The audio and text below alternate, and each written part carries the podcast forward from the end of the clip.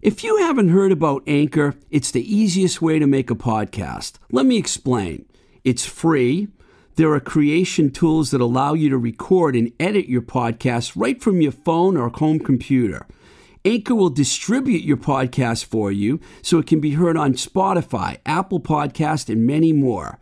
You can make money from your podcast with no minimum listenership. It's everything you need to make a podcast in one place. Download the free Anchor app or go to anchor.fm to get started.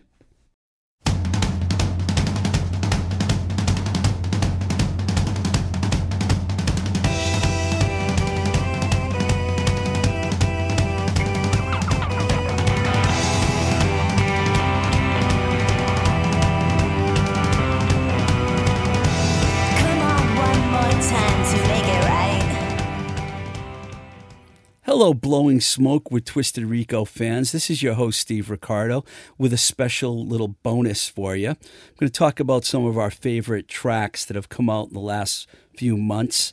Uh, the first one is a band from LA that I love very much called Death Valley Girls. The song Disaster is What We're After. It's like a continuation of this band's dark garage punk journey, and they've really made some headway. They've been touring a lot lately. I'm really digging them, man. Cool band, Death Valley Girls. They're kind of like weird. They kind of like have a little Charlie Manson influence going on with these little tattoos on their foreheads, but they're cute and they rock. Uh, the second band is another band I've been following for a while. Atlanta, Georgia's The Coathangers. They've got a song called F the NRA. Uh, this is one of my favorite bands, and they're getting a little political here as they tell the NRA where to go.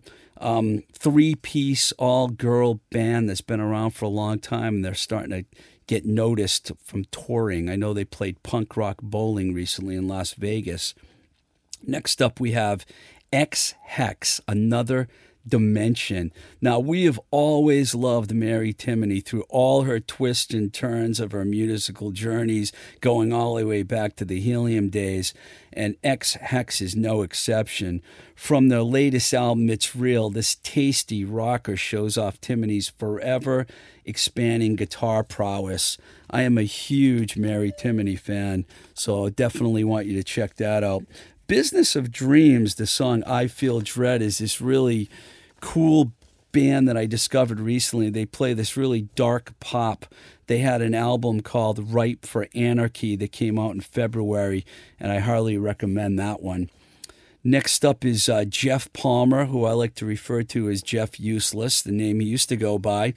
Played as a teenager with the Queers and the band The Guts, and has become very famous in his band The Connection. He's got a new solo record out, and he's got a song called This One's Gonna Be Hot. Nifty guitar pop punk from Mr. Palmer. I highly recommend it. It's on that great Rum Bar Records label run by our friend Lou in Beantown. And last but not least, this is a real interesting one. The band's called Freeloader. They have a song called 10 Songs Make an Album. And this is yet another Boston supergroup led by Nat Freedberg. I'm sure you recognize that name. He was in the Titanics and the Upper Crust. Charles Hanson on guitar, one of the great guitar virtuosos in Boston. Jim Janota from the Bags and also the Upper Crust. And Jim Haggerty rounds off the band. This is like a machine of a band. When I heard the this record, I was blown away. It's also on Rum Bar Records, a label I've grown very fond of. Uh, what specifically I love about this track is Hanson's lead on this catchy track. It's just a massive lead to go along with Freedberg's very catchy and cool lyrics. Thanks for supporting the Blowing Smoke with Twisted Rico podcast and, of course, our blog on blogger.com, which is also called Blowing Smoke. And please consider supporting us for a dollar a month on our Patreon page, which is www.patreon.com slash Twisted Rico, where you can get a bunch of exclusive updates, photos, videos, etc. Keep the rock and roll alive.